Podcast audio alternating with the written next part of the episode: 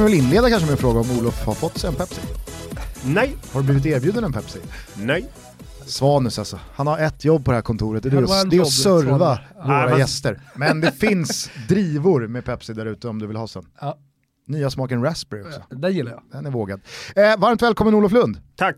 Det är ju så att säga Olof Lundiga dagar och således så är du på plats återigen i Toto Balutto-studion. Men vi kanske ska börja med din oerhörda upprördhet kring eh, att du känner dig förfördelad i eh, Alla mot alla-säsongen. Ja men det, det har ju faktiskt pågått i flera år och jag får faktiskt upprörda, nej flera säsonger får jag säga. Eh, nej men de eh, förföljer mig Filip och Fredrik, jag tycker det är för jävligt och alla med lite vaket öga ser ju det. Står eh, Fredrik Wikingssons farsa fortfarande i din ringhörna och slåss för dig? Absolut, eh, även denna säsong sitter han i publiken med min t-shirt och backar upp Peter Wikingsson. eh, Man fattar inte vad som har gått snett med sonen bara. Men i år, eller den här säsongen tävlar du med Katte Sahlström. Katt Sahlström ja. Hur rankar du henne bland dina nu mera tre lagkamrater? Ja men hon, eh, jag rankar henne högt. Eh, Vi eh, går ju långt tillbaka. Tunaskolan i Lund, ettan till nian. Så att vi får se nu vad, vad vi lärde oss där. Jag såg första fighten mot Erik Haag och Lotta Lundgren. Lotta Lundgren heter hon ja, precis. Det var tight och då såg man, då, då var vinnarskallen framme hos dig och du var lite sur också. Jag var, jag var ju riktigt förbannad. Eh, och det ska man ju vara. Alltså, det där är ju lite konstigt. Eh, bakom kulisserna tycker de att det ofta är bra att man lever sig in och att man inte är likgiltig. Och sen så tycker de ibland att det blir lite för mycket ändå. Så att jag, jag vet inte hur jag ska kunna eh, kontrollera. Men det är ju en tävling så man måste ju gå in för att vinna. Och Ja. då, är, då är det ju svårt att eh, ja, men vara mild eller så här, lågmäld. Jag tänker också att det är, det är ändå hårda bud för Kattis här. Du och E-Type gick ju ändå till final. Ja precis. Att, Eh, hon eh, smsade mig för eh, Hon vet det, vad som gäller. det var redan klart då när eh, vi gick till final att eh, jag och Kat skulle köra säsong tre. Och då smsade hon var rätt glad att vi inte vann eh, finalen då. Men eh, på tal om den kanske största rivaliteten av dem alla då. Eh, är det axlar neråt nu när eh, Alex Schulman inte är med? Ja men jag vann ju två gånger. Det, här är ju skorna han inte Ja, det, där är, det där är de beryktade skorna. Ja, eh, Vad var det han sa? sköna Vad fan har han på sig? Ja, eh, precis. Jävla tönt. Eh, som han sa. Ja, men det gillar man ju ändå. Du hörde hans take på det i deras podd sen. Jag hörde det. Han hade ju dock... Eh, Och han skarvade den. Skarvar. Det är ju en snäll beskrivning. Det är en ren fabricering. En ren fabricering. Han sa det ju utan. Han påstår att jag hörde via Micke att han satt och pratade med sin fru. Han sa det till sin fru när han stod bredvid oss när vi var på väg att tåga in i manegen. Mycket väl medveten om att du hörde honom. Absolut. Men det är ju också han som efter eh, det här under pressure, när han tog 15, gick till buren och signalerade 15. Då gick jag ut och tog 17. Kommer jag ihåg, det var ett stort ögonblick. Emil Persson och Niklas Niemi gänget hör jag, de måste ju få tillbaka Schulman till säsong 4. Vi får väl se. Så att vi får hatmötet. Schulman-Lund en gång till. Eh, men du är nyligen hemkommen också från Amsterdam, berätta vad gjorde du där? Jag var eh, på Uefa-kongress bland annat. Jag gör lite jobb inför eh, sommarens EM eh, som jag fortfarande hoppas ska bli av om inte coronaviruset sätter ännu mer fart. Eh, och då var jag, passade jag på att slinka in på Uefa-kongressen och eh, titta på den. Och det är ju en fascinerande värld som är alldeles för underbevakad. Det är egentligen där allting avgörs. Det som folk undrar om Eh, Champions Leagues eh, omgörning efter 2024 och så. Det är ju de mötena pågår ju i och kring den här världen och eh, jag- jag var enda svensk journalist och jag menar jag är inte bättre än någon annan. Vi åker inte på det tyvärr. Det finns inte pengar till det. Vilket är synd för jag tror att där finns mycket journalistik att göra. Vi satt och snackade lite igår du och jag på Tegeluddvägen eh, och då berättade du att det var väldigt försiktigt med prognoser och ingen ville säga någonting om coronaviruset och det framtida hotet mot EM-slutspelet och så vidare. Kan du berätta hur det lät där nere? Nej men det, först träffade jag Karl-Erik Nilsson som var faktiskt, eh, men han ställde upp eh, kvällen före. De hade haft exekutivmöte där han ju, exekutivkommittémöte där både han och Lars-Christer Olsson sitter. Eh, och eh, han ställde upp och eh, han var ändå hoppfull där. Han kunde sträcka sig till att han var hoppfull att EM skulle göras. Han trodde på det. Men han ville inte ge sig in i några scenarier överhuvudtaget, ville inte spekulera och det kan man säga det var genomgående vem man än pratade med. Alexander Scheferin, ordförande eller president i Uefa, sa samma sak på presskonferensen. Hans generalsekreterare likaså. De vill inte, de har scenarier men de vill inte spekulera i vilka och, och så. Men om jag förstod dig rätt igår så handlar alltså EM för Uefa om en intäkt på ungefär 40 miljarder kronor och att det är de pengarna som sen ja, underhåller hela Uefas verksamhet fram till, till och med nästa EM-slutspel. Så är det. Eh, man kan ju tycka att de tar in mycket pengar med Champions League och Europa League. Det gör de också. Men större delen av de pengarna går ju ut till klubbarna mm. direkt igen. Så att EM är på det sättet eh, oerhört viktigt och man, har en, man räknar med att man dubblar intäkten eh, på detta EM jämfört med 2016. 2016 så tog man ju in 17-18 miljarder och gick 8 miljarder i vinst. Nu räknar man med en intäkt på 3,8 miljarder och kanske hälften i vinst. Och det ska då hålla liksom, det är ju Sverige och andra förbund som ska få de här pengarna i olika projekt och liknande. Så att var fjärde år ska man ta in den här jättesumman och det är väl de 40 miljarderna som kanske är står mot coronaviruset. Ja men det låter ju nästan som det, alltså, förvisso kanske då förenklat, men om det är hela Uefas enda stora inkomst på en fyraårsperiod, Äh, då låter det, liksom, det låter ju nästan som att det där EM-slutspelet, det ska spelas till vilket pris som helst. jag skulle tro det. Sen kan det ju vara så att de har försäkrat det, men det är säkert en väldigt hög premie och det kanske inte ger lika mycket pengar och, och så. Men de kan ju ha försäkrat sig på det sättet. Men jag tror också att de kommer dröja in i det längsta innan de lämnar besked. Och det sa ju också Cheferin på frågan om det fanns en deadline. Eh, no. Uh, så att uh, de kommer dröja in i det längsta för att de kommer behöva spela. För alla förstår ju i den tajta spelkalender som finns internationellt att det går knappt att flytta. Nästa sommar 2021 då är det framförallt ett nytt klubblags-VM i Kina med många fler lag som de är på gång med. Dessutom har du ett EM för damer som ska spelas i England där ju i London är ju den stad som spelar mest matcher i EM i sommar. Så att det är svårt. Det är möjligt om man skulle flytta det till sommaren 2022 som ju är ledig för att VM ligger i november-december. Men det är väl tveksamt om klubbarna går med på att det spelas två stora mästerskap på ett halvår. Och det skulle väl i sådana fall vara mitt i VM-kvalet? Ah, VM-kvalet, VM-kvalet avslutas innan sommaren. Ah, jag skulle tro att det ligger fortfarande så. Men jag kan faktiskt inte hur den internationella kalendern är där. Eller för sig, det lär väl vara e VM-kval hela 21. Precis. Men om man kollar på situationen nu så har Italien stängt sina arenor fram till april och eh, vad jag har förstått så är Uefa Champions League är ju öppet fortfarande. Alltså där, där har man inte stängt arenor riktigt än. Jag såg att Valencia stänger mot, eh, de möter ju Atalanta, de vill kanske inte ha dit några lombarder. Men... Eh, Snackas väl om tomma läktare också, PSG Dortmund. Absolut. Just det, just det, PSG Dortmund också. Ja, det var det Uefa sa på varenda fråga. Ja. Att liksom, det här EM är inte det viktigaste för oss nu utan det är ju eh, att vi, det här är frågor vi hanterar hela tiden eftersom det är matcher hela tiden. Det är Europa League, det är Champions League och eh, det spreds en lite sån eh, stämning. Alla ville titta bort när eh, på slutet av konferensen eller kongressen så reste sig Schweiz förbundsordförande upp och sa att vi har inte spelat någon fotboll på två omgångar. Vi kommer troligtvis inte spela framöver. Eh, vi får inte in de matcherna i spelkalendern. Hur ska vi göra? Vi behöver ekonomiskt stöd. Och det, alla bara liksom tittade bort för att det var rätt jobbigt. Och, så jag tror att Uefa har det nog jobbigare än vad de vill ge sken av. Ett EM utan publik skulle heller inte gå.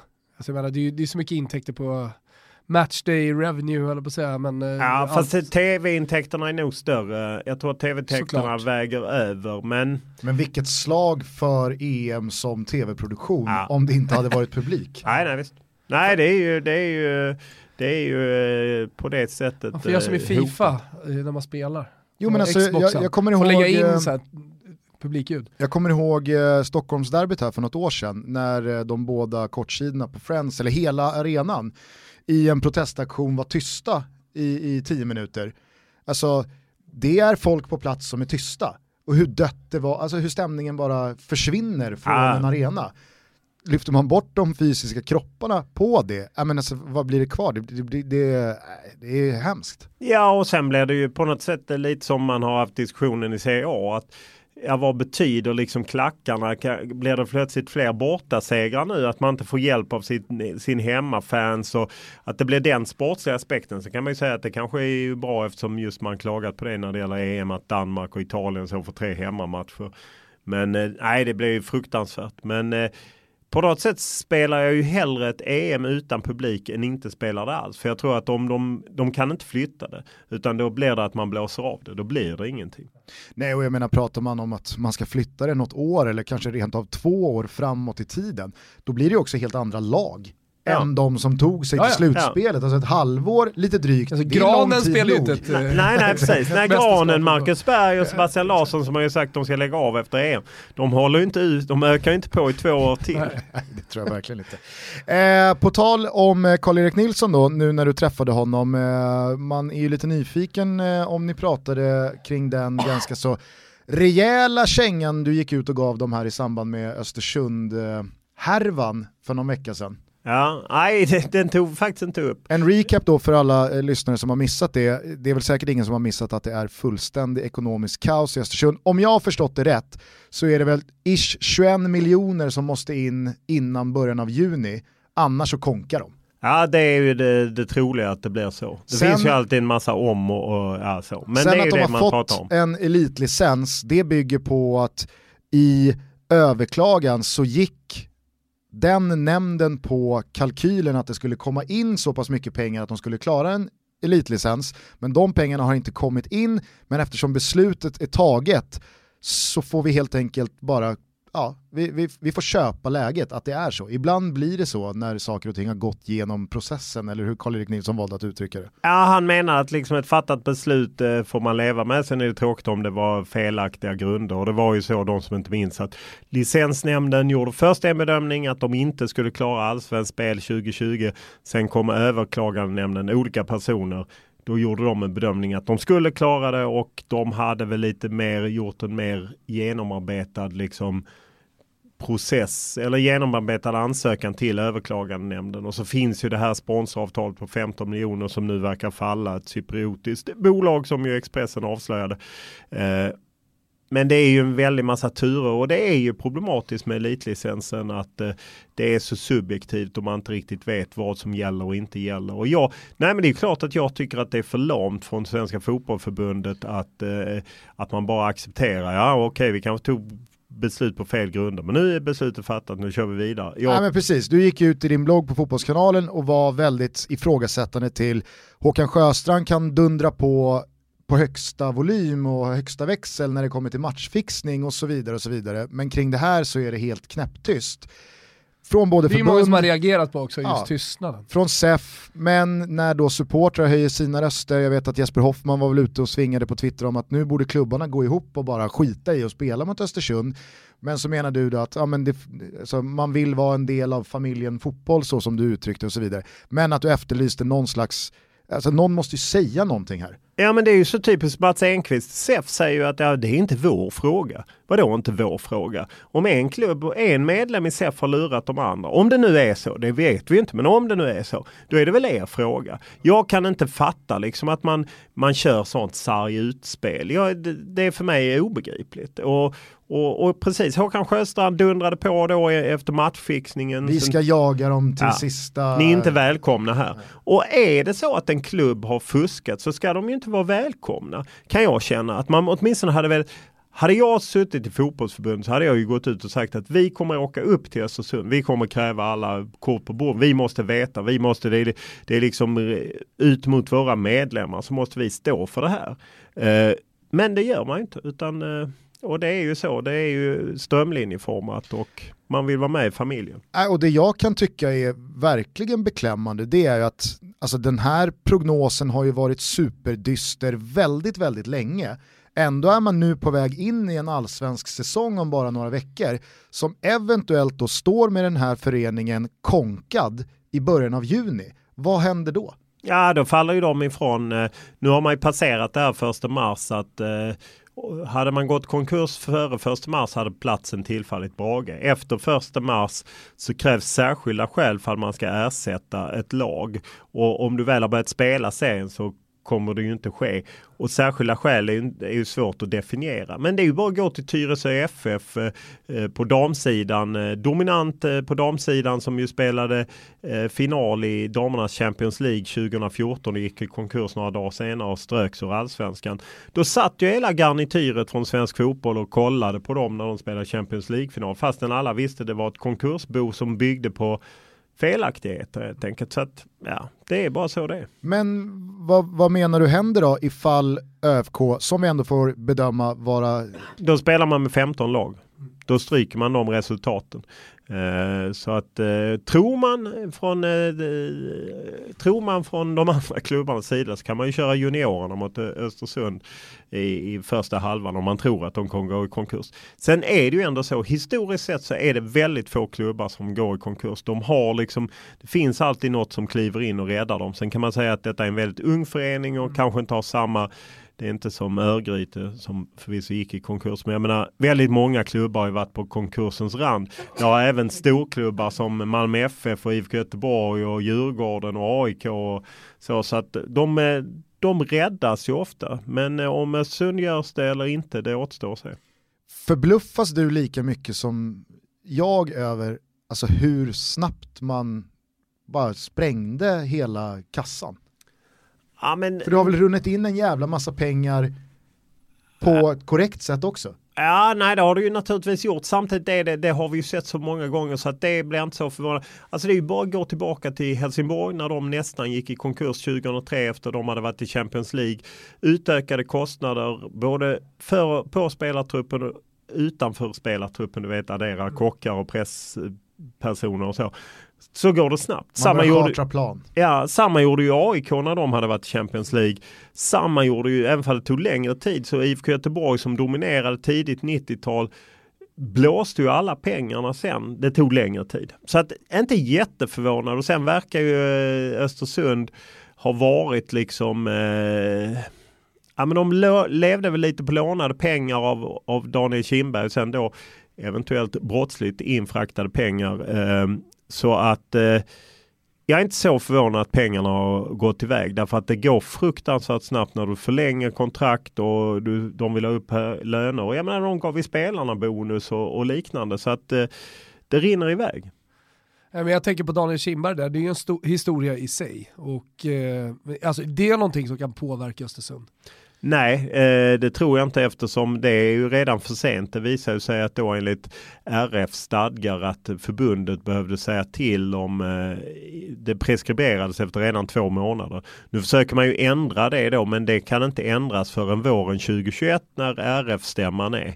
Då kan man ändra de stadgarna och nu ska man ju dessutom ändra man ska på årsmötet nu i slutet på mars så kommer fotbollförbundets styrelse be om årsmötets tillåtelse att se över elitlicensen. Hur kan vi göra den klarare och tydligare? Vad ska vi ha för syfte? Hur ska vi liksom för att sen kunna ta beslut om nya elitlicensregler i representantskapet i november. Och då kan man ju vända sig till alla supportrar som också är medlemmar i föreningar som gärna plussar för föreningsdemokrati. De är ju medlemmar av Svensk Fotboll. Det är ju lätt att klaga på Svenska Fotbollförbundet. De är ju medlemmar i Svenska Fotbollförbundet. Det är inte jag. Vilket jag är många gånger är tacksam över. Men det är ju de. Då kan ju de försöka påverka det så att det blir bättre och tydligare elitlicenser. För det är så himla lätt att klaga i efterhand att hur i helvete kunde vi ha så dåliga elitlicensregler? Jobba via era föreningar och distrikt. Jag menar IFK Göteborg är ju representerade både via SEF och sitter i förbundets styrelse och att de är representerade vid, via sitt distrikt. Det finns ju många vägar att jobba. Så att det, det, där är det viktigt att man får alla, även supportrarna, med supportrarna, de som är medlemmar då, att få med dem i den här översynen så att alla är överens om att det här gäller. Fick du något gehör upplevde du på din efterlysning av reaktioner från SVF? För Nej, Uh, inte, nej, men jag vet ju att nej, de vidhåller ju det från förbundet att, uh, att läget är som det är. Det finns inget att göra och SEF vill ju inte säga någonting uh, just när det gäller det. Och det är ju bara så. Jag, jag tror att det finns.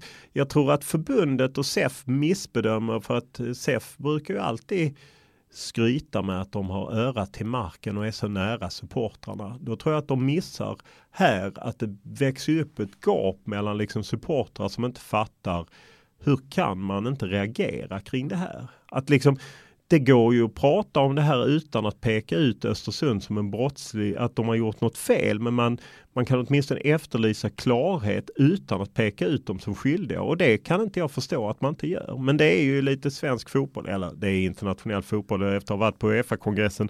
Det var som att sitta på Svenska Fotbollförbundets årsmöte. Allting bara viftas igenom i klart sen innan och ja, är fascinerande. Vi är sponsrade av våra vänner på Betsson och nu till helgen så kör vi givetvis en ny Toto-trippel. Vi tror eh, väldigt hårt på den här. Ja det gör vi, vi har skippat Italien i och med att det är eh, tomma läktare eh, och man vet inte riktigt hur matcherna blir då. Så, ja, vi, vi undviker Italien helt enkelt och tittar istället mot Tyskland bland annat, eller hur Gustav? Mm, du tror på rak seger för Robin Quaisons Mainz hemma mot Fortuna Düsseldorf. Tyckte de såg jättefina ut senast och jag gillar inte riktigt vad jag ser hos eh, Fortuna Düsseldorf. Det här är ju ett bottenmöte, viktigt som fan för Mainz. Tre poäng skulle nästan haka ifrån Düsseldorf, eller haka av Düsseldorf då i, i striden om att vara kvar i Bundesliga. Så att, eh, jag, jag, tror man gör det, jag tror att det blir Quaison show här va? Ja, och jag som såg eh, Ove Röslers eh, Fortuna i fredags mot Hertha Berlin kan, eh, jag kan confirma att det, det läcks som i ett såll Ja, nej, men det gör, det gör det. Och så Quaison i dunderform 1 plus 1 senast, men jag tror, jag tror verkligen på mindset. Vi tror på rak seger för Wolves hemma mot Brighton. Potters uddlösa Brighton ger vi inte mycket för för dagen, medan Wolves ser stekheta ja. ut. Docherty, Diego Jota, Jiménez och så vidare och så vidare. Ja, Traoré sitter till och med bänk liksom och kommer in succéspelaren från eh, november, december, januari där. Så det blir rak seger för Wolves hemma på Molineux. Avslutningsvis så tar vi överspelet på Stamford Bridge när det är eh, Chelsea mot Everton. Chelsea med Marcos Alonso i spetsen, ja. gör många mål framåt för dagen jag tror inte att Chelsea heller har speciellt mycket tankar på returen mot Bayern. Man vet att man är utslagna. Nu gäller det att lösa en Champions League-plats i Premier League, så att full fart framåt där. Möter ju ett Everton som eh, står upp jävligt bra mot tufft motstånd här mot slutet. Calvert Lewin och Rikarlison heta framåt. Okay. Så att, eh, ja, jag tror att båda lagen gör mål och mm. då är väl över 2,5 ett bra spel. Ni ryggar på Betsson såklart under godbitar. Boostade odds 148 kronor och så hashtaggen i Toto-trippen. Härligt! Eh, med eller utan Östersund hela vägen in i mål så drar ju allsvenskan igång här om en eh, knapp månad. Vad tycker du eh, känns mest spännande med seriestarten idag?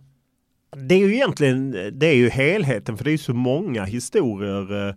Det är verkligen fascinerande hur allsvenskan på något sätt fortsätter att, att växa och vara intressant. Och, ja, men det finns allt från liksom kalabaliken då i Östersund som vi avhandlat det är ju lite halvkalabalik i, i, på, kring Platinum Cars Arena och dess omgivning. För ja, de som exakt. inte vet vad det är så är det nya namnet på Norrkö IFK Norrköpings hemmaplan. Där är ju lite stökigt med Peter Hunt och allt vad som eh, rör sig kring det. Och han sen, hoppade av din livepodd va? Ja, han hoppade av min livepodd. Jag ersatte honom Mikael Gedda Hansson. Eh, så att eh, jag tror att det blåste kanske lite för snålt för att han kände att han skulle känna sig bekväm där. Tyvärr tråkigt för jag hade gärna haft honom med. Eh, och nej, men det finns ju många historier med Malmö och AIK, Hammarby. Ja. Nej, det är häftigt. Jag, jag ser fram emot allt. Om eh, man börjar i de regerande mästarnas ända då, så får man ju säga att det var en väldigt speciell transfer man genomförde här med Marcus Danielsson till Kina nyligen. Hur upplevde du den? Nej, det är ju en sensationell transfer. Ibland har man ju tur och det får man nog säga att Djurgården hade i det här fallet när eh, eh, deras jakt på eh, en mittback i Strasbourg, den här kinesiska klubben Dalian då, skulle ha en mittback och så blev det inte han och så var de tillräckligt vakna på att, eh, det får man ju ge ändå Bosse Andersson och Henrik Berggren, att de är tillräckligt vakna på att känna till den här lyxskatten som finns i Kina. Det vill säga att om du värvar en spelare för över 55-60 miljoner, det finns något eh, belopp där i kinesiska eh, valutan så betalar du en lyxskatt på 100%. Det vill säga att en mittback som kostar 55 miljoner kostar plötsligt 110 miljoner. Så då la de sig lite under det liksom. Så att jag tror att kinesiska klubben fick en chock för att de hade väl hört att han kanske skulle kosta 25-30 miljoner. Plötsligt fick de betala det dubbla. Men transferfönstret var på väg att stänga och eh, de nöp det så att eh, nej det är ju... Ja, men det är det som har hänt i kinesiska ligan också. Så ett tag så köpte de stora europeiska spelare, man undrar hur kan den lira som bara är 25 bast gå till kinesiska ligan? Och så var det enorma pengar, dels till klubben men framförallt till löner då. Eh, och nu har man gjort om det. Så ja, nu, nu är... måste man gå, gå på spelare som spelar i Holland, Sam Larsson köptes ju till samma klubb till exempel. Ja, det är ju dels den lyxskatten på värvningar och sen så har man en maxlön för utländska spelare på 3 miljoner euro per år. Så att det har gjort att väldigt många, jag menar snittlönen i Premier League är ju över det. Varför ska du då gå till Kina? Däremot kunde du gå dit när du fick flera hundra miljoner. Eh, så att eh, det har väl gjort att det blivit attraktivt. Äh, det är ju en otroligt häftigt. Det är ju den, det är ju den galnaste transfern någonsin i allsvenskans historia. Ja, och det skulle inte förvåna mig om Bosse liksom har sån jävla dundermylla här att coronaviruset sätter stopp för kinesiska ligan så pass länge att de kan låna tillbaka, tillbaka Marcus Danielsson och ha honom under våren hela vägen fram till EM också. Ja, eller att han liksom efter ett år köps ut för att de köper in någon annan. Alltså det, det är ju det som också är det bisarra att de kan ju liksom köpa ut spelare efter något år för de tröttnar och jag menar det här eh, konglomeratet Dalian, eh, de äger ju väldigt mycket inom sportens värld. Bland annat Infront som säljer alla hockey-VM och längdskidor och allt sånt är agenter. Styrs för övrigt av Filip Blatter, Sepp Blatters brorson, så kan ni räkna ut resten mm. själva. De, de styrde även när jag var på deadline där nere i Italien på Ata Hotel Executive. Då var det de som styrde hela arrangemanget. Det var liksom infront överallt. Ja. Det, är väl inte ja, så mycket att styra, det är ju en ganska liten grej men ändå. De ja. bokade väl upp då konferensrum och ja, men, tog dit tv-bolag och gjorde allting. Och var ju även inne i Atletico Madrid och den heter ju efter eh, Wanda. Mm. Det är ju efter Dalian Wanda då, det företaget. Okay.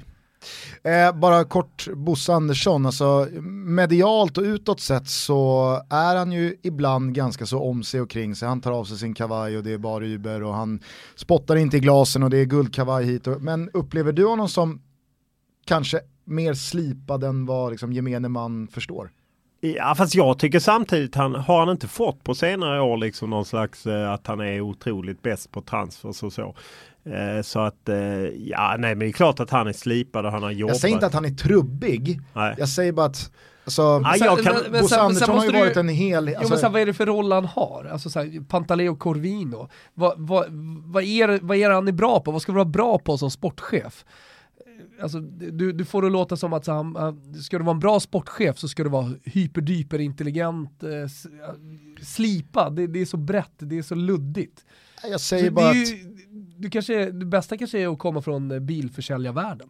Då kanske du är en grym sportchef. Kanske, jag säger bara att Bosse Andersson har ju haft en särställning medialt jämfört med Daniel Andersson, Jesper Jansson, Mats Gren, Björn Westström och så vidare. Bosse har ju varit en större profil som kanske inte alltid bara har bedömts på sitt sportcheferi utan han har många gånger fått vara liksom personan Bosse Andersson också. Ja, ja absolut. Alltså för mig var ju Djurgårdens största stjärna förra säsongen var ju Bosse Andersson. Han överglänste ju spelartruppen nu när liksom eh, Jonas Olsson, Kim Källström Andreas Isaksson försvunnit. Och jag menar Kim och Tolle är ju inga sådana heller som och jag menar sen klart att Marcus Danielsson växte med åren, men, eller med året eh, att han gjorde så bra. Men det var ju ändå Bosse för att han, han bjuder till. Sen kan jag mer vara fascinerad över att, och jag gillar det, att det finns utrymme för i den otroligt strömlinjeformade svenska fotbollsfamiljen så finns det utrymme för en sån här som är lite mer eh, eh, ja, livlig eh, om man säger så och det kan jag gilla. Och det är den första att skriva under på. Vad tror du är rimligt att förvänta sig av Djurgårdens 2020 då? Ja men i och med att hjärtat rycks ur eh, laget och lite klubben också eftersom han ju var lagkapten och var så liksom tongivande. Så det är klart att det kommer bli lite vilse på Kaknäs tror jag faktiskt. Eh, General Laul har ju redan slagit fast att man har sålt eh, försvarandet av guldet, man har sålt Europat.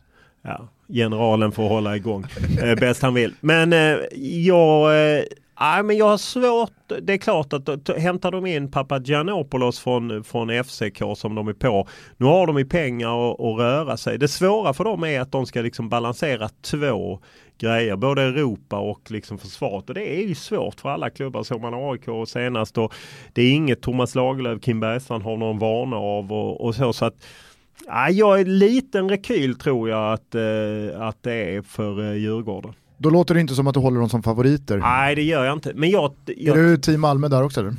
Ja, sen, sen blir man ju lite skeptisk. Jag såg även den Karlskrona-matchen i kuppen och så kan man säga att kuppen är försäsong. Men de borde ju ändå mangla över Karlskrona på ett mer övertygande sätt. Jag är lite så osäker på för mig känns det som Hammarby är eh, väldigt starka just nu. Men jag, jag är också, det är ju liksom en månad kvar och eh, det kommer kanske in, hinna hända lite transfers eh, innan dess. Så att det, det, är lite svårt att, det är lätt att dela upp i skikt liksom med, med AIK, Djurgården, och Hammarby och Malmö är väl ett skikt på något sätt. Men en klubb som man inte pratar så jättemycket om, i, precis bakom där i IFK Göteborg, som på något sätt får hålla på fritt höll jag på att säga. Men de har inte fått så mycket kritik och det är inte så att man eh, överhypar dem heller inför säsongen. Är de där precis bakom? Eh, eller kan de till och med, som vissa tror, som jag ändå hört, eh, vara med och slåss om topppositionen? Som du tror? Jag är inte ensam och tror det. Nej, men du ja, tror det. Ja, jag tror det. Nej, ja. det tror inte jag riktigt. Eh, det känns, alltså de har ju bra beställt på tränarbänken och det känns som att det är positiva vindar och så. Men jag är osäker på om inte de har lite för tunn trupp. Alltså att de kan ha en bra elva men att det, det är för tunt eh, bakom. Om de inte hämtar hem något. Jag gillar ju både Aish, är en fantastisk spelare, och Sana, de förstärkte ju där i, i, i slutet liksom och Robin Söder är kvar och så. Men Ah, jag har svårt att se dem kunna hänga, utmana de här allra bästa. Däremot så måste man ju säga för IFK Göteborgs del, alltså sett till lagen de hade framför sig i tabellen 2019, så känns ju AIK svagare än sig själva i fjol. Häcken känns svagare än sig själva i fjol och IFK Norrköping känns svagare än sig själva i fjol. Så att det har ju öppnat upp sig, i alla fall bakom en topptrio om vi då förutsätter att Malmö, Djurgården och Hammarby inleder året som de tre största favoriterna ja, men till Det kan ju addera där också att AIK ska spela på ett helt nytt sätt och en filosofi som är så annorlunda jämfört med hur man spelade tidigare tar ju tid att sätta. Så man, man får ju nästan ta för givet att AIK har lite tufft i inledningen. Ja det tror jag också. Sen tror jag tappet av Tarik eh, ja. kommer vara rätt tungt. Att eh, han är inte också med Bahouis skada. Så eh, känns det lite som att eh, de kanske blir lite trubbiga. Å andra sidan, just när de eh, har en säsong där de eh, nu vet vi inte om de ändå kanske får spela i Europa men de är ju fyra och kan ju antingen vinna kuppen eller något av ettan, tvåan, trean vinner kuppen och får då spela i Europa. Men annars om de bara kan koncentrera sig på allsvenskan så kanske de ändå har liksom en chans. att eh, Jag tror att de kommer inte vara lätta att besegra och det kommer finnas liksom en revanschlust hos Rickard Norling som kör på. Och, så jag skulle inte räkna bort dem. Av de tre ni nämner, Häcken, AIK och Norrköping, skulle jag nog räkna bort Norrköping. Jag tror att de får väldigt svårt uh, att liksom vara med och utmana i toppen. Och uh, Häcken, jag vet inte, det är något som inte Han är ju intressant norrman. De hämtar in uh, Söderlund. precis från Rosenborg. Och det är väl det de har saknat någon lite spets när de sålde Jeremejeff och väldigt svag höst. Men uh, får inte riktigt till De får komma ihåg att registrera Söderlund till allsvenskt spel så att inte han sitter där obrukbar. Nej. Nej men sen är det klart att alltså, tappar man Paulinho, jag är långt ifrån övertygad om att det ens finns någon att ersätta Paulinho med i ett lag som Häcken. Så att, eh, jag, jag håller de tre som svagare än sig själva, vilket kanske då talar för IFK Göteborg. Men om vi bara ska ta oss tillbaka till Hammarby lite kort, jag tyckte vi lämnade dem eh, för, för snabbt.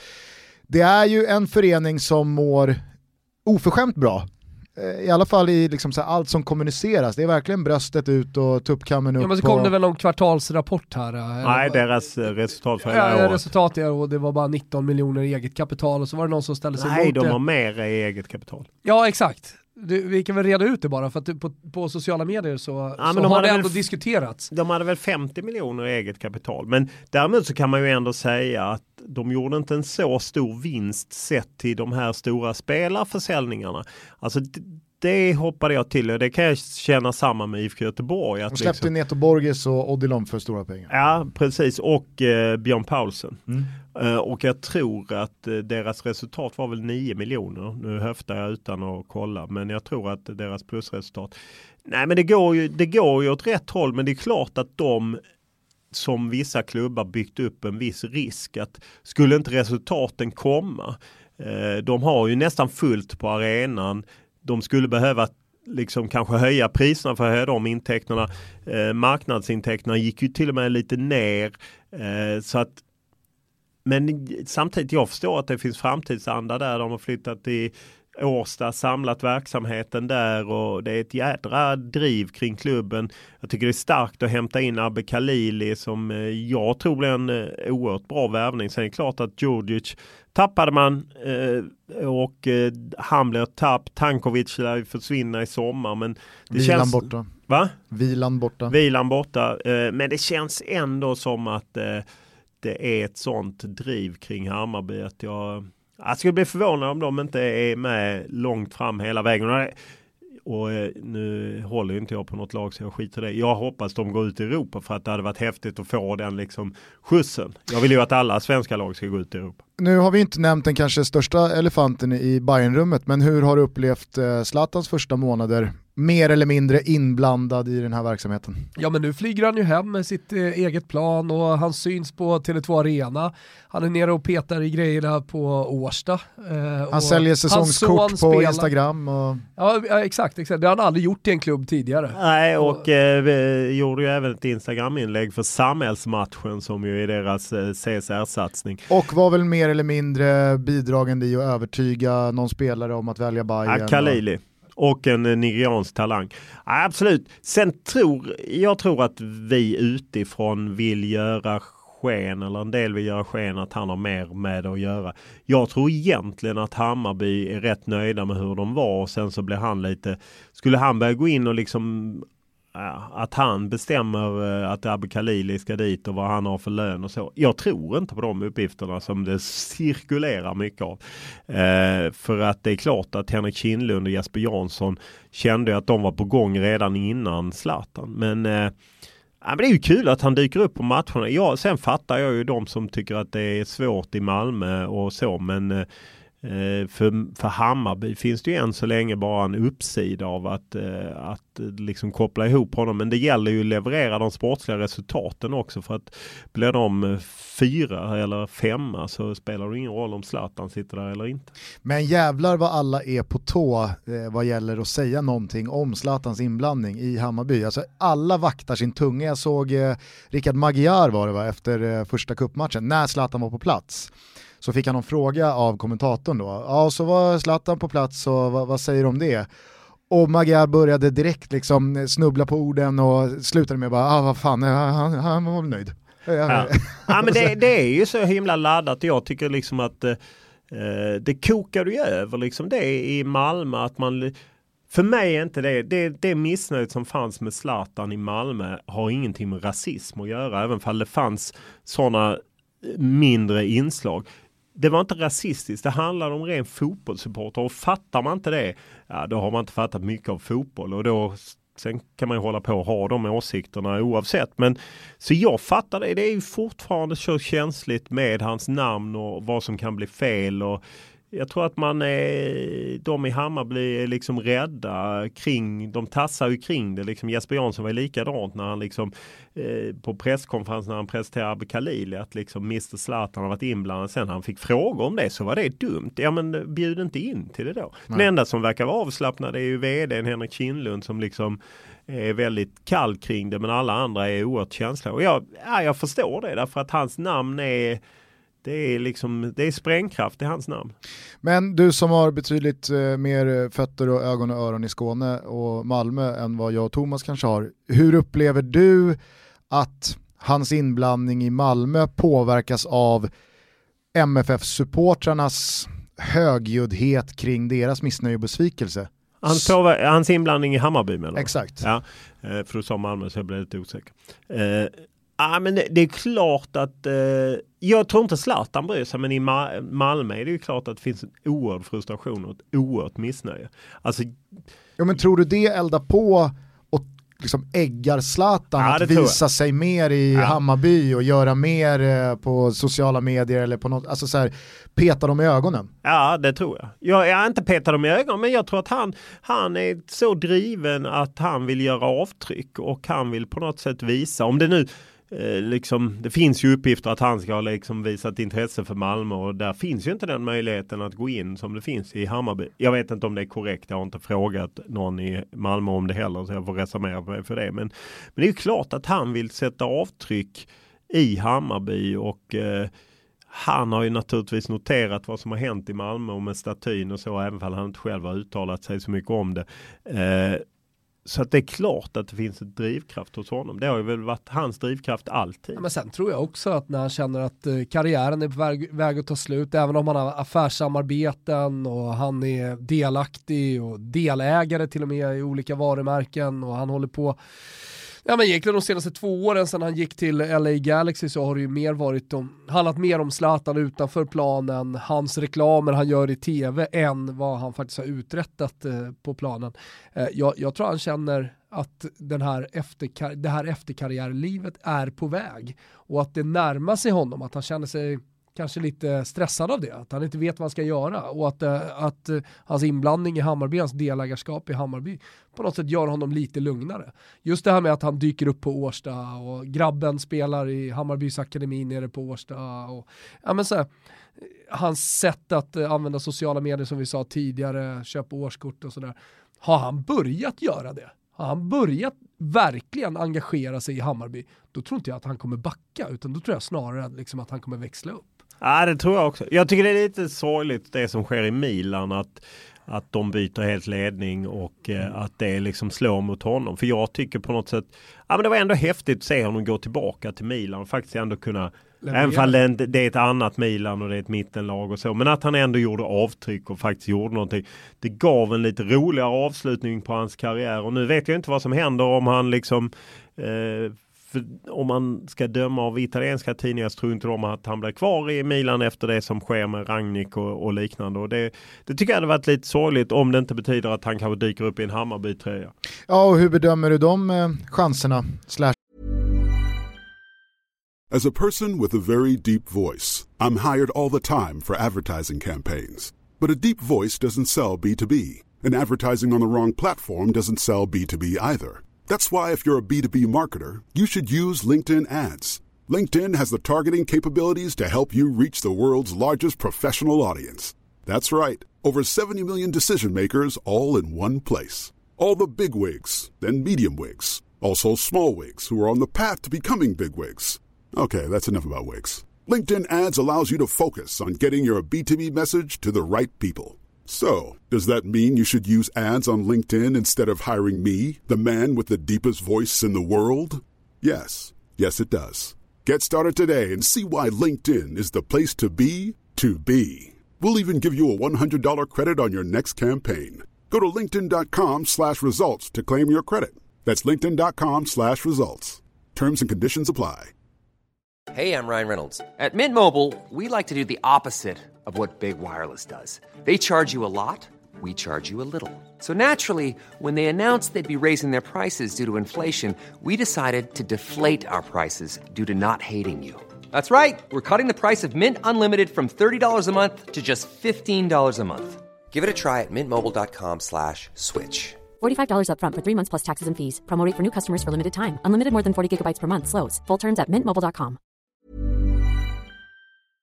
riskerna? Om man nu är eh, lagd åt andra äh, Om man ser chanserna så hade jag innan sagt noll men äh, jag är har... Malmö 3 augusti? Ja, nej, det hade ju varit fantastiskt men äh, jag, jag har svårt att, att liksom se det.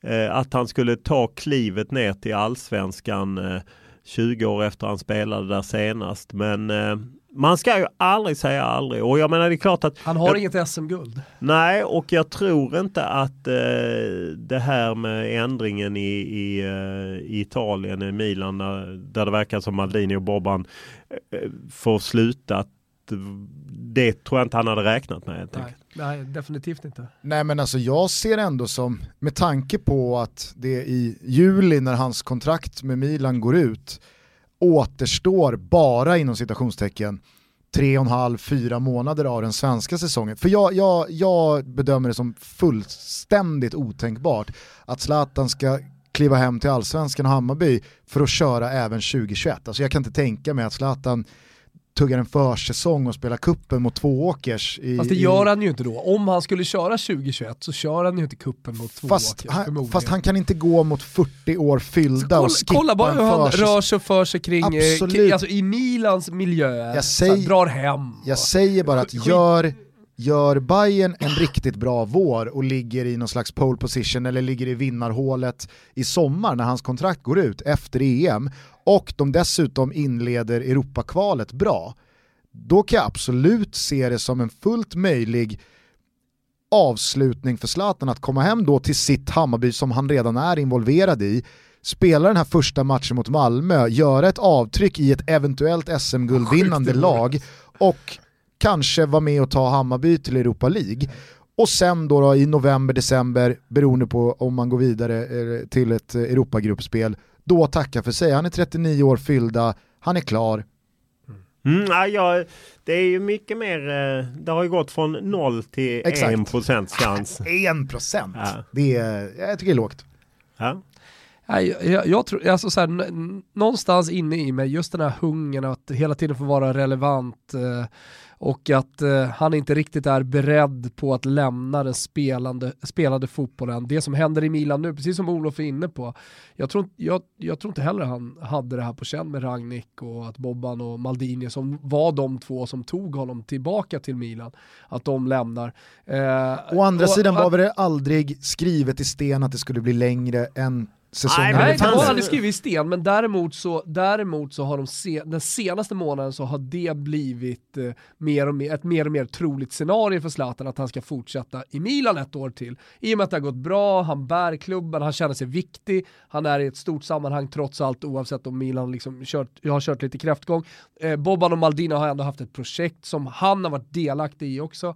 Eh, det, det har fått mig i alla fall att tro, den rapporteringen från Italien och allting som händer har fått mig att tro mer och mer på ett år till. Tills det här kom då, att Bobban med största sannolikhet lämnar snart och att Maldini också kommer haka på eh, och att Ragnik tar över. Då, och han ska satsa ungt och bygga om hela, hela eh, A-laget och sådär.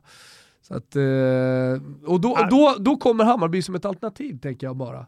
Ja, för gre- grejen är ju ändå när han skrev avtalet med Milan så skrevs det ju ändå med en option över nästa säsong. Det fanns ju ändå liksom en, åtminstone i ett möjligt scenario att han kunde fortsätta och till och med om han nådde Champions League så skulle det vara en automatisk förlängning. Sen är det ju det här att, att familjen flyttade hem till Stockholm. Det gör väl att liksom Ja men det är klart man kan ligga en vår. Men ska man ligga ett hel, en hel säsong till och pendla till Milan när eh, familjen är i Stockholm. Ja då, då är det på något sätt ja, men vända hem och sänka Malmö. Göra Hammarby till denna skandinaviska storklubben. Men eh, sist du var här, då hade ju inte den här Hammarby-bomben briserat, således hann vi inte prata om det då. Jag kan inte dra mig till minnes att du har pratat om det någon annanstans. Det kanske du har, jag vet inte, då får du väl i sådana fall upprepa dig själv. Men tror du så här i retrospekt att Zlatan bara var tondöv och inte fattade att det här kommer sticka i Malmö-supporternas ögon när han säger att ja, men de är nog bara glada för min skull och jag har gjort så mycket för Malmö och Malmö FF för att det här är bara business, man kan separera de här grejerna. Eller liksom, Hans sätt kanske att var försöka lägga en våt filt på, det är så jag, jag.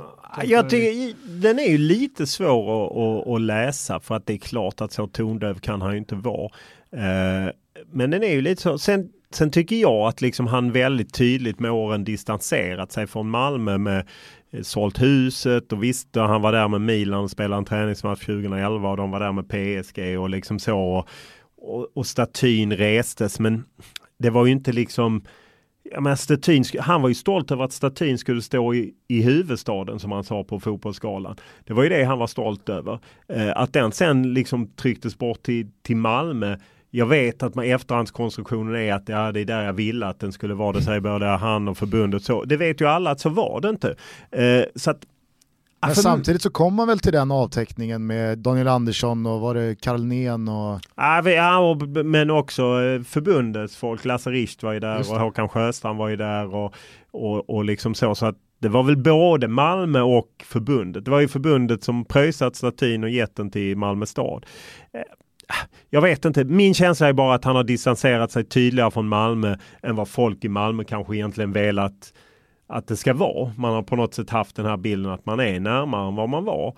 Eh, och att han ju varit tydlig med att han ska bo i Stockholm. Om man ska bo överhuvudtaget i Sverige så är det ju Stockholm som gäller. Och då, är så att det är klart att han fattade vad, vad som skulle hända. Sen tror jag inte, ingen kanske kunde dra ut pilarna hela vägen till att folk skulle faktiskt såga nästa statyn. Det trodde faktiskt inte jag. Alltså, jag förstod att folk skulle vara arga men att folk skulle sänka statyn trodde jag kanske inte. Nej. Ja, nej, det blir eh, otroligt spännande att följa Zlatan både i vår här Brukar han inte vara eh, väldigt så här, personligt aktiv i alla samarbeten han går in i? Alltså så här, om, man, om, man är, om man är med i något affärssamarbete så brukar han liksom fysiskt vara där och, och representera. Ja, det är det jag känner. Ja, han gillar ju jag menar, han gillar ju att vinna på alla plan naturligtvis och, och har ju varit aktiv och jag menar Sen får man ju vara ärlig och säga att det är rätt många av hans projekt som inte gått jättebra. Jag menar A till Z gick inte bra. Parfym. Finns det? För, nej, det är konkat. Appen Mix där han gör en app. Det gick ju också. Vad var eh, det eh, och eh, parfymen har inte alls gått bra. De bytte ju helt ledning. De tjejerna som kom med idén och drog igenom det. De byttes ut i maj förra året. Eh, så att det finns ju det här... Eh, Vet du vad, han kanske inser nu att han ska gräva där han står. Han ska inte hålla på med parfymer och appar och eh, klädsatsningar utan han ska, han ska gräva där han står. Han ska vara i Hammarby och så ska han liksom representera själv. Han ska syssla Fan, med fotboll. Han ska syssla med fotboll. Exakt. Men du, om du ger, det, om du ger det en procent att han drar på sig eh, grönvitt i augusti och spelar för Hammarby, hur många procent ger du att han spelar EM för Sverige? Noll. Det är ännu lägre alltså? Du, du, du vet att det inte kommer bli så? Nej, vet kan jag inte veta men, eh, nej men alltså så här, det var ju inte det var inte så att han och Janne Andersson pratades vid inför VM 2018. Utan till slut tröttnade Janne Andersson. Men vadå, Janne ringde ju Zlatan på klockan där. Så, ja just det, så absolut. Nej, Zlatan svarade ju inte.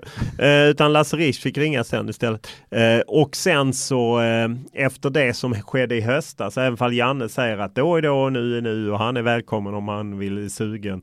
Eh, så tror jag inte, nej jag tror inte, jag tror inte de eh, Zlatan tror jag skulle vilja bli uppringd i så fall av Janne Andersson som säger att du borde komma med till EM. Och där kan man ju säga att den svenska EM-truppen är ju inte det är ju inte brist av offensiva alternativ. Det är ju, hade han spelat mittback eller vänsterback så hade det ju varit ännu ljusare. Då kanske Janne hade ringt. Men, eh, men han har inte spelat så mycket vänsterback som Kim Källström.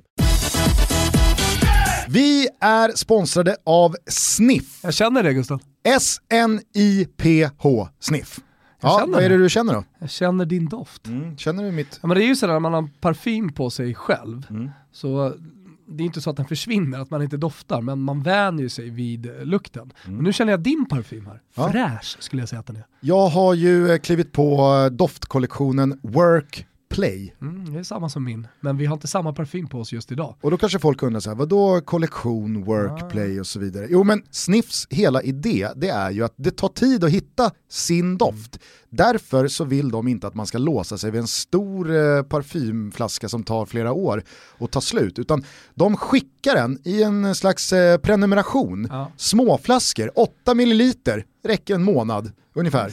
Med exklusiva och lyxiga dofter baserat på ens valda doftprofil. Exakt. Så då kan man liksom känna och dofta sig fram och man kan liksom landa, man kan testa den här på ett möte, man ja. kan lukta så här när man eh, är på en dejt, man kan eh, lukta lite så här när eh, man kanske ska ut på en AV, eller vad det nu kan ja. vara. Det är ett jävligt kreativt sätt som Sniff ser på dofter tycker jag. Och det är mm. jävligt kul. Vi har precis fått hem det här och börjat testa. Det är kul.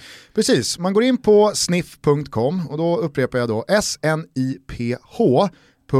och där väljer man en kollektion och sen så tar Sniff hand om resten. De skickar då hem alla de här dofterna i eh, kollektionen som man landar i för 159 kronor månaden. Det är fri frakt och det är ingen bindningstid, men om man uppger koden TOTO, ja. då får man 25% rabatt på första månaden. Ja, det är jättebra. Och det är inte bara det Gusten.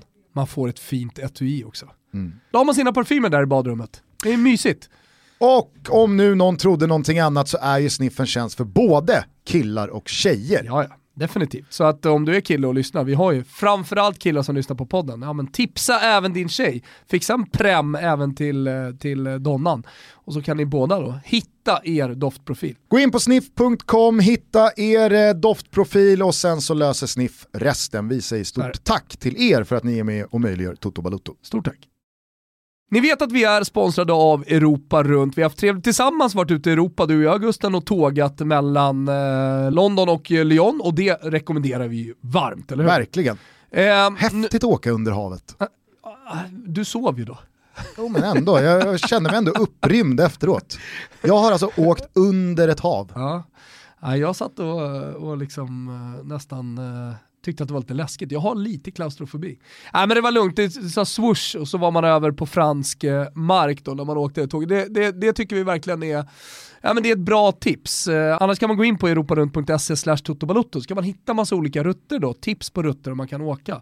Och det är läge att börja planera sin tågresa nu, eller hur Gusten? För att vi har 10% på interrailkortet. Precis, och det gäller fram till och med sista mars. Så att gör här nu slag i saken när ni planerar er EM-resa. Det är ju EM över hela kontinenten och vad är då bättre än att veta att man har ett interrailkort och att man inte behöver oroa sig för fullbokade flighter och så Nej, vidare. Och, och dessutom då 10%, det är, ju, det är mycket pengar man sparar. Jättebra.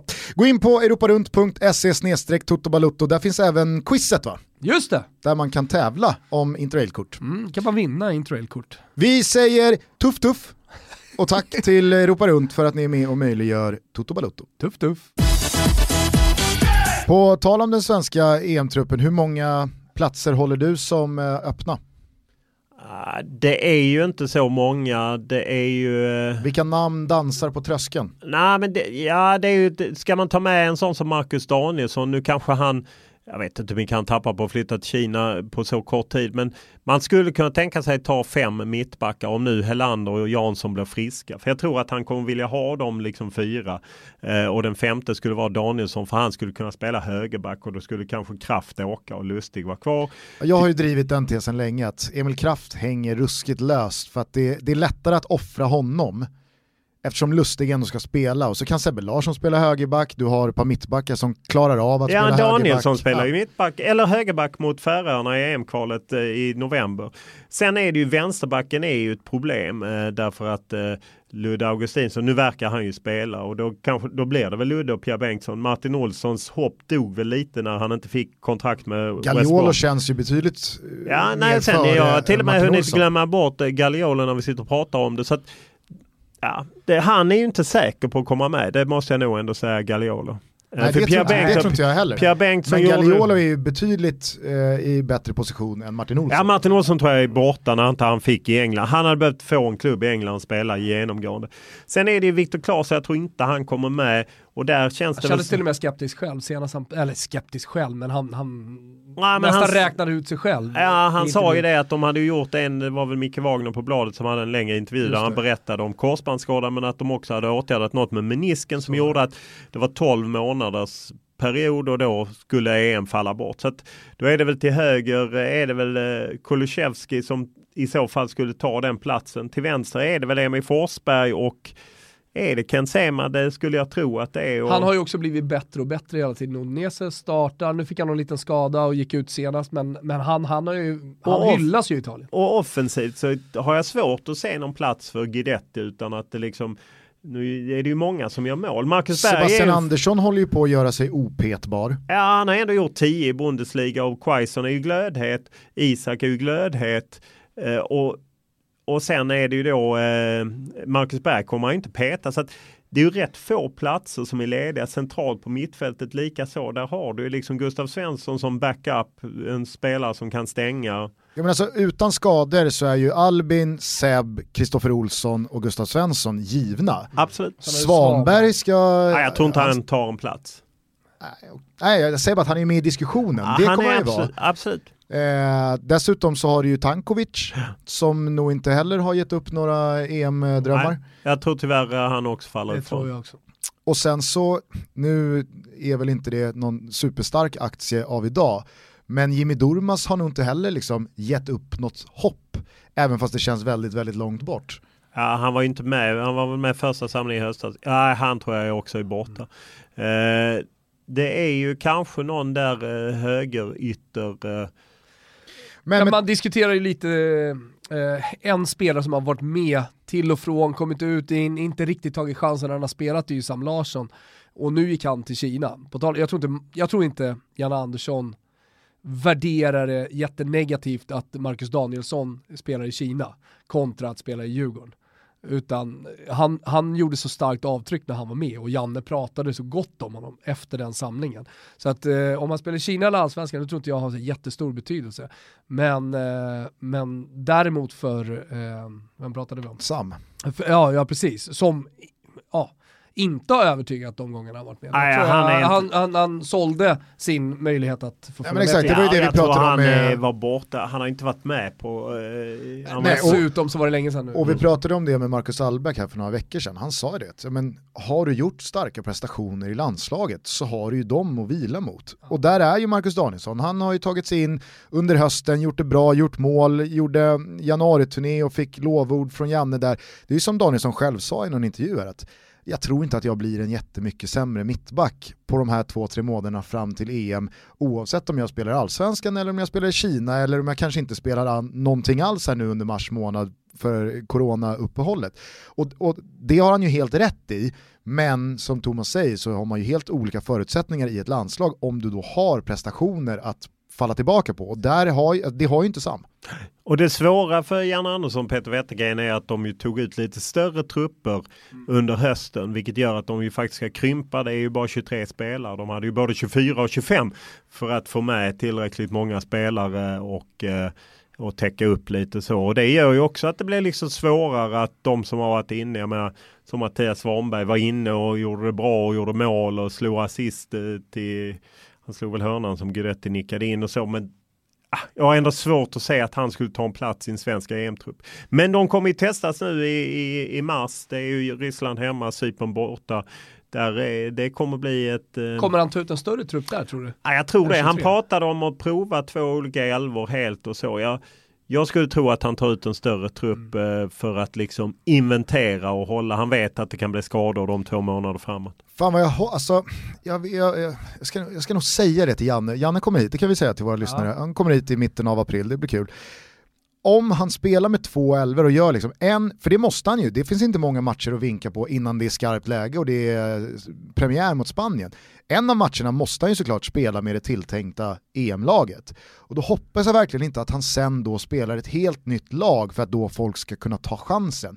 Det är ju ett helt annat lag då. Ja, fast här, I mars kan man ju spela två olika lag men sen i, i juni när man Men möter Finland, för- Danmark det är ju en förutsätter jag. annan. Då ska man ju spela ja, upp men du laget. kan inte spela en elv, startelva nu i mars. Jag, säger, jag säger bara att Nej, spe, spelare som ska ta chansen, de faller ju ofta på att de får chansen i ett landslag som inte är ett landslag. De har aldrig spelat ihop, det är spelare som vill visa allt de har och så blir det bara liksom jag har sett så många sådana pannkakslandskamper där man byter ut hela A-landslaget och så spelar man med reservelvan.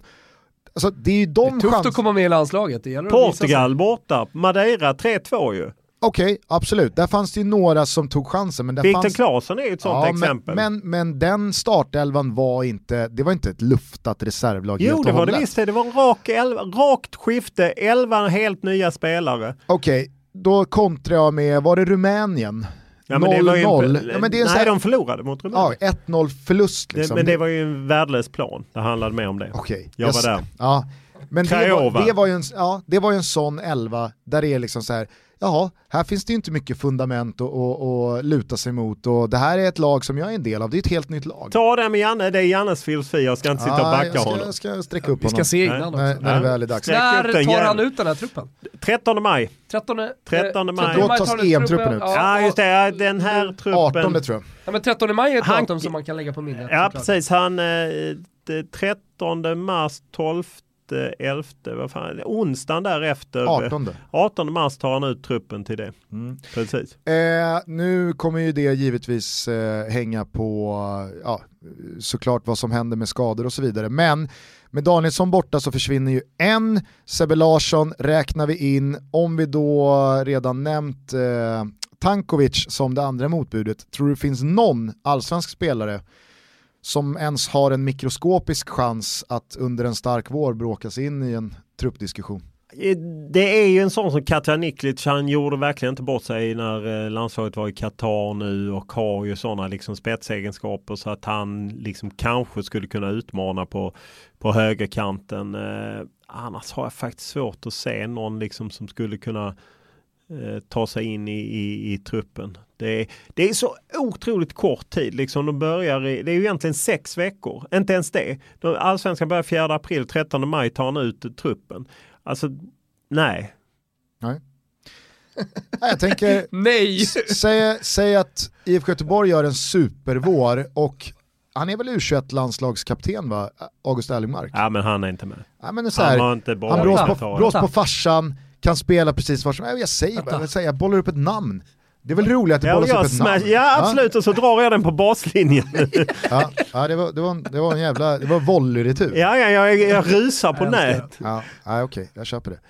Sen kommer jag ju på här nu också att jag och Olof har ju en hundring eh, bettad oss emellan. Oskar ja. Lewicki. Ja. Honom har du inte ens nämnt. Nej, du tar honom nej. som självklar i, i, truppen eller eh, är det admit defeat? Du kan få köpa ut det för 80 spänn. Uh, jag, Olof tror att Lewicki kommer med för en hundring och du tror inte det. Är, ja. är det så? Jag kommer inte ens ihåg denna valslag. Alltså jag betvivlar Men inte du kommer ihåg att vi skakade hand i höstas? Ja, det var väl till och med tidigt i januari, var det inte det eller? Nej, det var i höstas när han togs ut. Ah, okay. Sen så fick ja, han tacka nej. Ja, just det, då var det i december. Jag bara minns att det var jul. Ah, jag, nej, men jag, den ska pressas upp hundringen 13 maj. Nej, jag tror Du vill inte köpa med. ut det för 80 spänn? Nej, det vill jag inte. Jag vill att det ska svida rejält. eh, om jag nu har fel. För jag skulle just, när du, det, det som nu är bortklippt, ni missar det gojset. Men, men eh, då eh, så vill jag ju flika in att, för jag kom på att Lewicki är ju en sån liksom som, men, men det är klart att det krävs kanske en skada på en Gustav Svensson. Alltså så, det är ju det som är problemet. Men det, det kan ju hända och det, det, vet ju inte du. Då kanske du får lägga upp en hundring. Kanske. Eh, en spelare som vi inte har nämnt som jag bara undrar hur du resonerar kring är Jordan Larsson. Ja, han, eh, häftigt mål han gjorde nu när jag såg någon eh, cupkvart var det väl i eh, Ryssland där han sänkte något Moskvalag. Eh, men nej, jag tror inte han kommer med. Han är ju han är ju som en av dem som knackar på men han är inte med i, inte, inte utifrån, jag tror fyra eller fem anfallare. Femte anfallaren blir väl John Guidetti eh, sett till att uh, Janne Är inte, är inte Jan uh, lite konservativ där? Alltså han, han vill gärna ha sett dem i landslaget tidigare i, i, en, jo, men det var i ett större sammanhang än vad Jonan Larsson har varit med uh, Han kanske kommer med nu i mars så får vi se. Mm. nej men jag tror inte han är med. Han är mer ett långskott om någon skulle bli skadad. Förutsatt att det inte blir några skador då. Jag nämner här nu John Guidetti, Tankovic, Svanberg, Danielsson, Emil Kraft. Vilka av de fem kommer med i truppen? Ska du ta med Gagliolo där också? Ta med Gagliolo då, så är det ja, sex. Jag tror, jag tror faktiskt bara det är Danielsson av dem som kommer med. Du tror inte Guidetti kommer med? Nej, jag tror att det, det, blir svårt för Janne att trolla in John Guidetti i truppen sett till att det gått så himla bra. Det är i så fall om man skulle steka Sebastian Andersson och ha med Guidetti. Jag tror inte att jag tror inte han tar med sig fem anfallare eh, eftersom jag menar Kulusevski är ju en spelare även om Janne vill placera honom som ytter så är han ju en spelar han väl en slags ytterforward. Precis. Han, han är ju tänkbar som en, en, en anfallsspelare. Eh, om han inte, nej utan skador så kommer han med. Nej då tror jag Guidetti får svårt. Jag tror de andra får svårt förutom Danielsson. Och jag tror att det går på bekostnad av kraft. Med tanke på hur det lät gällande Guidetti och trupputtagningen för ett knappt år sedan så blir ju det väldigt spännande att följa då. Ja, så blir det ju. Det blir det ju. Han, sen kan man ju notera att eh, Guidetti faktiskt, eh, efter han då inte var med i mars förra året, sen var han med i juni, sen var han med i september, sen var han med i oktober, sen var han med i november. Och utan att ha eh, haft så mycket speltid eh, och eh, nu har han ju gått till Hannover och nu gjorde han ju mål och eh, det är ju det är som folk tror att jag inte gillar Guidetti. Jag gillar ju Guidetti, jag har alltid gillat Guidetti. Tycker, hade gärna sett att han gjorde mer mål och så och eh, eh, alltid på något sätt varit en, eh, en, spelare jag har uppskattat. Men jag tror att det blir svårt. Jag tror att det är väldigt mycket upp till vad Guidetti uträttar på planen under den speltid han får här nu under marssamlingen. För han kommer vara med i den truppen, får han då spela i någon av de matcherna och gör ett mål, då cementerar han sig i truppen. Ja, så kan det vara. Han gjorde ju mål eh, mot Färöarna där när han fick inhoppet mm. och det handlar väl om att få lite regelbunden speltid för då kan ju på något sätt Janne motiverade mm. att liksom Ja, men han tillför någonting som inte de andra ja, tillför. Man får och det lite självförtroende nu med målet. Ja, jag tror inte, det är liksom inte, han flyttar inte på Berg, Quaison och Isak, utan då är det Sebastian Andersson som åker i så fall. Vi är sponsrade av Unisport, störst i Sverige på fotboll. Vad menar de med det? Nej, men när man hör Unisport då ska man tänka på fotboll. Eller jag tänker på fotboll och det tänker jag också att våra lyssnare gör. Alltså man kan köpa allting inom fotboll på Unisport. Man behöver inte gå någon annanstans. Nej precis, det är ju eh, kanske inte så mycket av det sportsliga inom fotbollen utan snarare vad gäller det materiella. Ja men såklart, jag berättade tidigare att jag hade klickat hem ett par Adidas Predator till min dotter. Men det finns ju såklart så mycket mer, eller hur Gustav? Mm. Vi skulle vilja slå ett slag för Unisports eh, kitbilder nu när det börjar börjar dra ihop sig för svensk fotbollssäsong. Det finns ju mängder av kompisgäng där ute som mm. har dragit ihop ett gäng och ska spela korpen eller ska spela lägre divisioner eller varför inte högre upp i seriesystemet. Och då behöver man givetvis ett snyggt eh, matchställ. Och eh, i då Unisports kitbilder, då kan man designa sitt eget matchställ, man kan ladda Riktigt. upp klubbmärke och man kan välja tryck och så vidare och så vidare. Helt på egen hand. Ja, men jag tror att många som har köpt eh, matchställ, man har köpt overaller i butik så att säga, eh, vet hur krångligt det är. Man ska hålla på liksom med, med skicka loggor och hit och dit och det ska beställas, skrivas på papper. Det här är supersmidigt och man kan dessutom få en fet jävla rabatt, eller hur Gusten? Precis, väljer man att ha Unisport som sponsor på match matchtröjan, då sparar man 40% på hela beställningen. Oj. Va? Ja. Det är nästan som man inte springa runt några, några gäng med Unisport på, på mm. tröjan, kan man tänka sig. Gå in på unisportstore.se så hittar ni Bygg ditt lagställ på första sidan och därifrån så kommer man raka spåret in i denna kitbilder. Unisportstore.se, det är hemmet för fotbollsprylar. Oavsett vad det är ni vill köpa så finns det där. Vi säger stort tack till Unisport för att ni är med och möjliggör Toto Balutto. Stort tack. Hörni, fan innan vi släpper Olof Lund för den här gången så tänker jag, eftersom vi inte brukar röra oss i det landskapet jättemycket utöver Malmö FF, Skånemässigt, Helsingborg, vad, vad kan vi förvänta oss av eh, deras säsong? Vad har du fått för bild av Olof Mellbergs intåg i klubben och så vidare? Eh, att han är rätt tuff och hård och eh, han... Eh... Är det grejen också att han är organiserad? Att han är så noggrann med allt? Ja, det, jag har mer hört att han är tuff och hård och sen tror jag att det är lite svårt att veta lite vad Helsingborg. Rätt många nyförvärv som man inte riktigt vet vad de har och för mig känns inte Rasmus Jönsson som en Olof Mellberg-spelare. Eh, men eh, han har ju haft Felix Magath så han ska väl kunna ha Mellberg. Ja, men jag tycker det är svårt att veta. Liksom, Granqvist eh, kommer säkert att vara jävligt taggad fram till VM och säkert i bra stöt och Gigovic var ju vass i höstas men jag menar, vi vet ju hur det är med unga spelare. Det går ju upp och ner så att ja, jag tycker de är oerhört svåra att bedöma. Jag tycker det är lite spännande. Alltså de, de skulle kunna vara med och, och slåss om, inte en topplacering 1-3, 1-4, men att de, är, de skulle också kunna hamna precis i skiktet bakom. Så tajt är det om de får till allting. Och om Olof Mellberg visar sig vara en så skicklig coach som, som eh, de flesta liksom säger att han är. Ja, sen eh, när han nådde framgångar i BP så jobbade han ju i par med Azrudin Valentic. Precis, och att eh, just den eh, har man ändå förstått att kombon de två var väldigt bra och eh, får vi se om det blir samma här. Han, det var inte så att han liksom fick eh, Helsingborg att explodera efter han tog över. Han hade väl inte något supersuccé i Fremad Mager som han hoppade av då innan han gick till Helsingborg. Eh, ah, lite svårt och också så tunn trupp, går någon sönder, de har inte Ja, det kommer... Hade ju väldigt ålderstigen trupp i fjol och ja. hade mycket skador och det ja. blev väldigt hackigt. Precis, och ja, jag, vet, ja, jag tycker det är väldigt svårbedömda. Väldigt, väldigt svår. Men hur är din bedömning eh, att eh, Helsingborgs IF mår som förening? För där har det ju svajat i, jag vet inte, det är väl uppe i ett decennium här nu.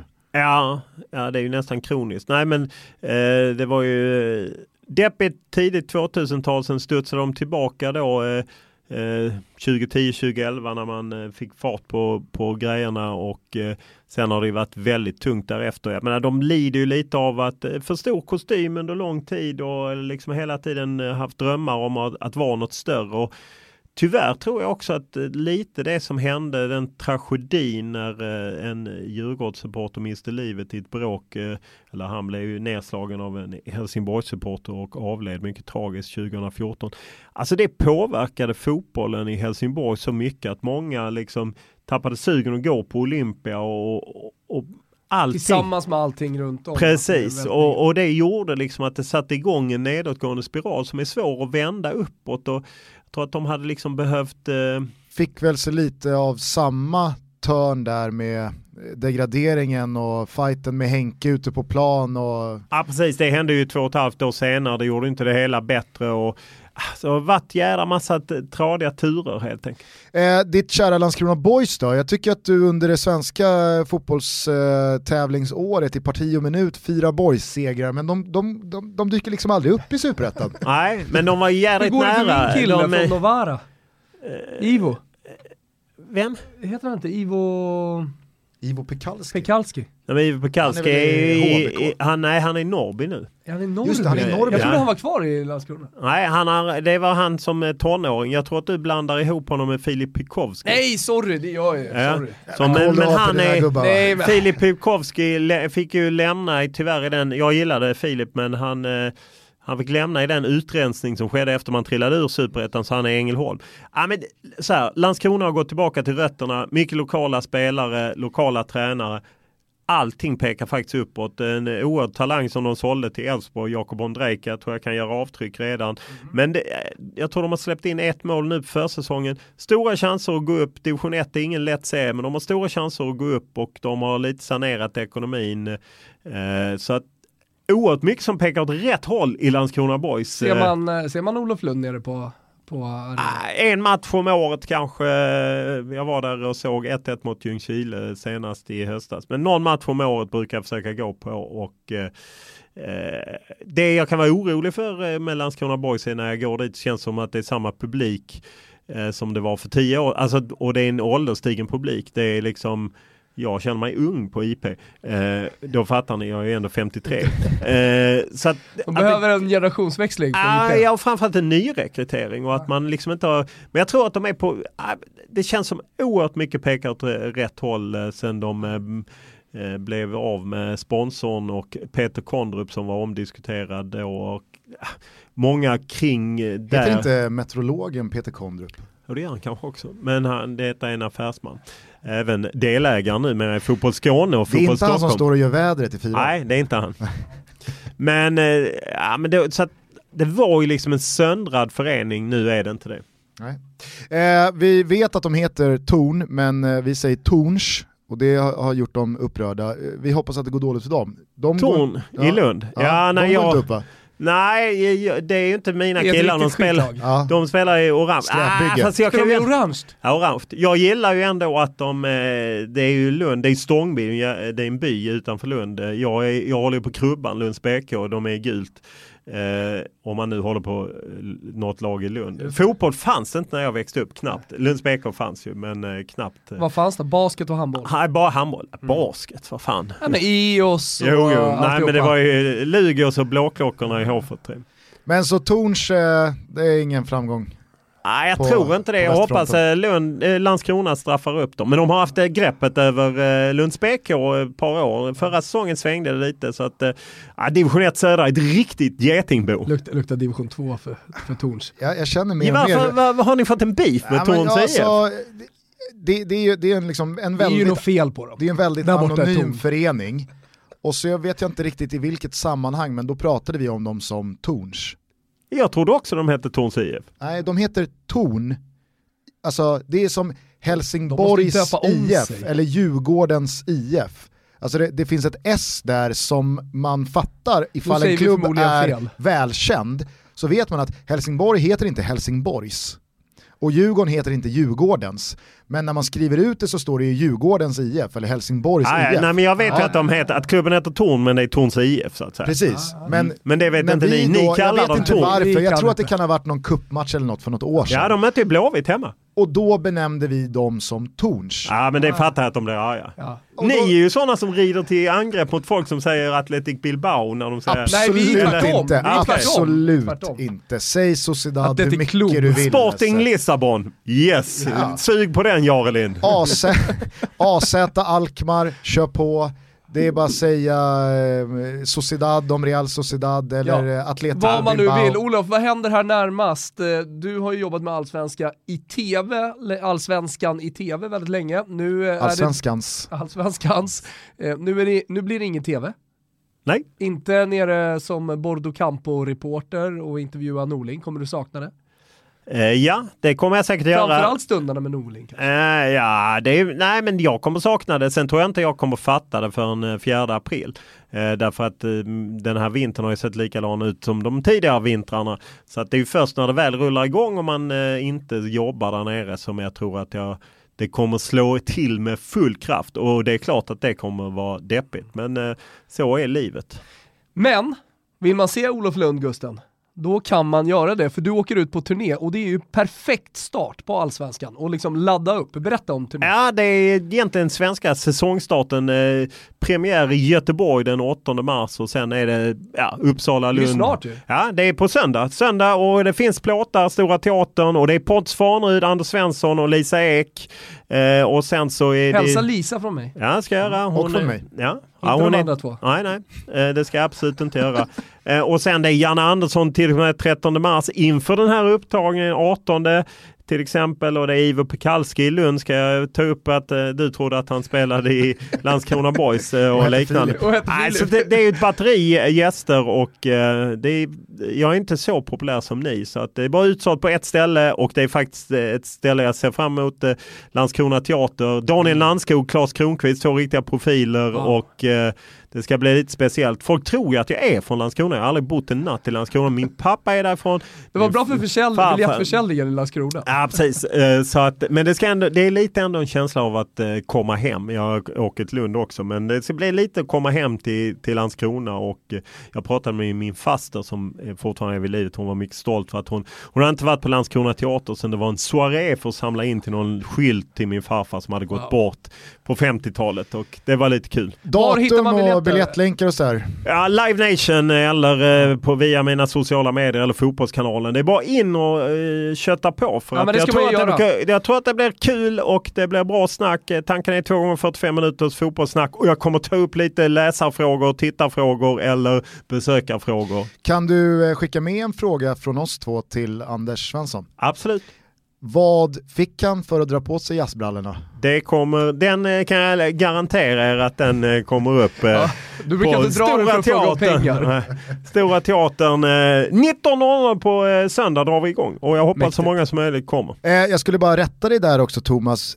Det går ju faktiskt att se Olof titt som tätt när han gör inhopp då i den fotbollsstudio vi gör på Simor runt Italien och eh, Spanien. Serie A och La Liga. Olof Jag såg det nyligen. Då, Exakt. nu, nu har du fixat till skägget och det- håret då och såg alltihopa. ut som att jag- Vild var du i Skype-länken. Ja, jag ser ut som jag provspelade för Kalifat säsong 2. som en av eh, poliserna i Raqqa.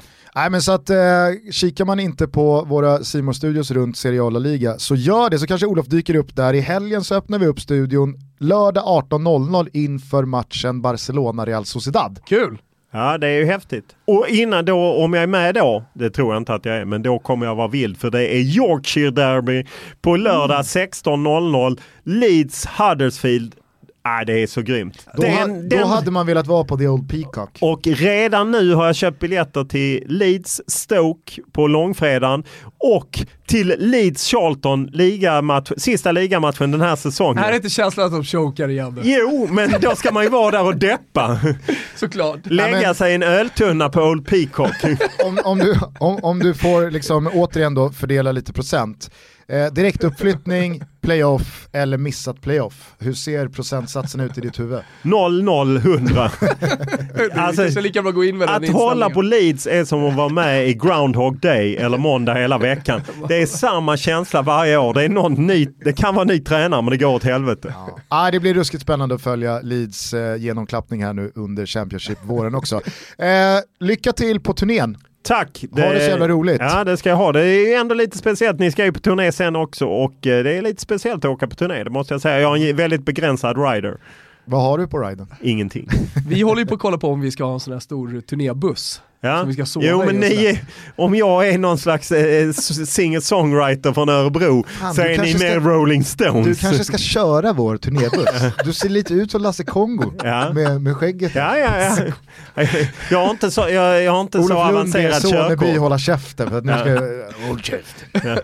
Jag har inte sånt körkort så att jag, jag kommer inte köra er turnébuss. Eh, hörru du, eh, sist blev det... Eh, eh, eh, eh, vad fan hette den då? Ah, var det inte... Ghetto Boys blev det sist ja. Ah, Ghetto Boys var i mars förra året, har inte varit med Nej men eh, du pumpade någon riktigt o... In the Club va? Ja precis, Ja, in the club.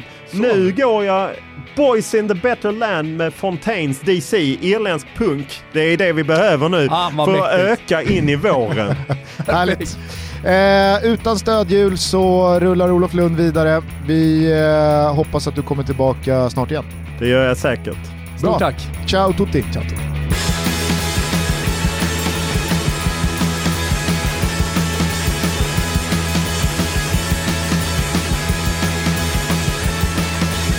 You're not alive until you start kicking when the room is spinning and the words aren't sticking.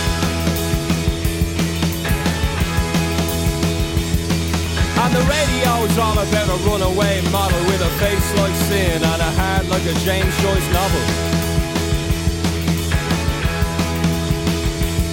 Saying sister, sister, how I missed you, missed you. Let's go wrist to wrist and take the skin off of a blister.